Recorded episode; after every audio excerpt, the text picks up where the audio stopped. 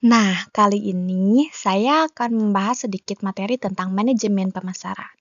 Manajemen pemasaran merupakan suatu usaha untuk merencanakan, mengimplementasikan yang terdiri dari kegiatan mengorganisasikan, mengarahkan, mengkoordinir, serta mengawasi atau mengendalikan kegiatan pemasaran dalam suatu organisasi agar tercapai tujuan organisasi secara efektif dan efisien. Dalam fungsi manajemen in, pemasaran ini ada kegiatan menganalisis, yaitu analisis yang dilakukan untuk mengetahui pasar dan lingkungan pemasarannya, sehingga bisa diperoleh seberapa besar peluang untuk merebut pasar dan seberapa besar ancaman yang harus dihadapi. Nah, ada tiga elemen penting yang termasuk konsep manajemen pemasaran. Yang pertama ada orientasi pada konsumen atau market oriented Konsep in, konsep pemasaran yang paling baik ini adalah dengan menjadikan konsumen sebagai prioritas utama. Itulah sebabnya mengapa dalam strategi marketing selalu mengedepankan konsumen. Yang kedua, ada perencanaan kegiatan pemasaran. Semua aktivitas pemasaran mulai dari strategi, implementasi, analisis, pengawasan, dan kegiatan lain yang terkait dengan pemasaran harus disusun secara terperinci. Yang ketiga, ada kepuasan konsumen. Nah, unsur paling penting di dalam pemasaran adalah kepuasan konsumen.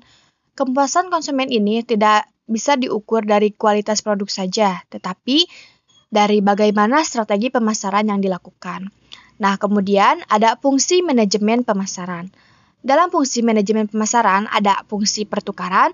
Di sini, fungsi pertukaran pada manajemen pemasaran terbagi menjadi dua fungsi. Yang pertama, fungsi pembelian dan fungsi penjualan. Fungsi pembelian merupakan peran manajemen pemasaran yang berfungsi sebagai proses timbal balik dari aktivitas penjualan. Nah, sedangkan fungsi penjualan termasuk dalam aktivitas untuk mempertemukan penjual dan pembeli yang bisa dilakukan secara langsung maupun melalui perantara. Yang kedua ada fungsi fisis. Fungsi fisis manajemen pemasaran ini terfokus pada kegunaan waktu, lokasi, dan bentuk yang, diper, yang perlu dipertimbangkan pada suatu produk ketika suatu produk akan diangkut, diproses, dan disimpan hingga sampai ke, ke tangan konsumen. Kemudian ada fungsi penyediaan sarana. Manajemen pemasaran memiliki fungsi sebagai penyedia sarana karena akan berkaitan dengan segala kegiatan yang mampu melancarkan operasional pemasaran Fungsi penyediaan sarana ini mencakup segala proses pengumpulan, komunikasi, penyortiran sesuai standar, dan pembiayaan. Nah, tujuan dari manajemen pemasaran ini secara umum ada enam tujuan. Di antaranya, yang pertama ada membangun permintaan. Penjualan ini hanya bisa terjadi jika ada permintaan dari konsumen. Yang kedua, membangun kepuasan konsumen tidak cukup untuk mendapatkan permintaan dari konsumen untuk mencapai target. Tujuan selanjutnya yaitu untuk membangun kepuasan konsumen dengan cara memahami kebutuhan atau keinginan konsumen. Yang ketiga, mendapatkan market share. Tujuan manajemen pemasaran ini yaitu untuk mendapatkan progres positif dari market share produk. Yang keempat, ada mendapatkan keuntungan. Target akhir semua perusahaan yaitu mendapatkan keuntungan.